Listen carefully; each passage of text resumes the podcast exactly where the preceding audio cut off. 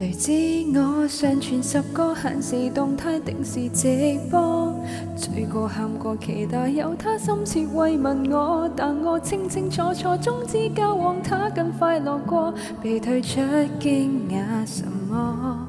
谁管我独来独往，大时大节未提及我，每晚勉强全面理性，未见他更易过，未曾犯错，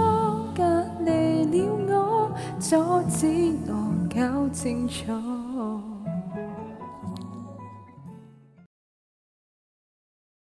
Hello everyone, my name is Bobby Yu Suk Pui. I am a Hong Kongese visual artist now living in Oslo. The song I just sung is a uh, Cantonese song called the Isolation Gatley, originally from a young Hong Kong singer, Jen Chen. the story of the song describes the feeling and the mood when she was in the isolation. Now it is mid December of 2021. In the mid December of last year, 2020, I was preparing to return to Hong Kong from Oslo. At that time, the pandemic situation in Hong Kong was not worse than that in Norway, but the pandemic restriction policy was much stricter. All the people who return to Hong Kong from other places must be quarantined in a hotel or a home residence for two weeks. Upon arrival at the Hong Kong airport, they must also undergo a PCR test.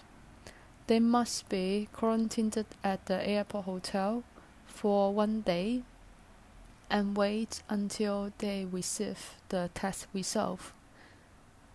At that time, after I arrived in Hong Kong, I received uh, sudden news from the Hong Kong government on the next day that they were already had the cases of of coronavirus in Hong Kong, and immediately, um, the um, restriction politics has changed that, all the people traveling to Hong Kong had to be quarantined for three weeks, 21 days.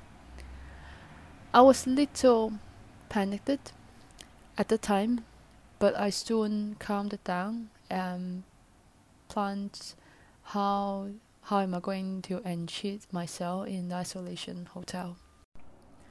After arriving at my isolation hotel, the hotel staff would meet me and explain in the detail that if I leave my hotel room, I will commit a crime offense.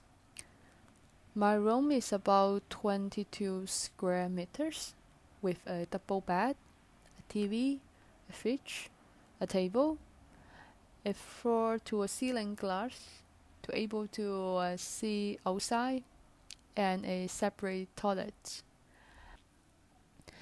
And every day I get up at 9 o'clock and do half an hour exercise, watch the news on TV, eat the breakfast, and then start working on the laptop, replying the email, contact my work partners, and trying to enrich myself with the work and also trying to connect with others as much as possible to make me feeling I'm not that isolated.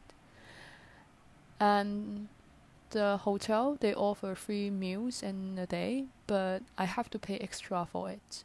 So I would rather order the takeaways from outside in order to taste different kind of food and also sometimes my family will send me some food.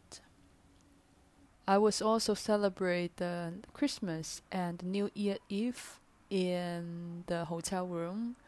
Luckily, I came from a city and a family that we don't celebrate Christmas every year, so I wasn't really feeling um, very complicated and difficult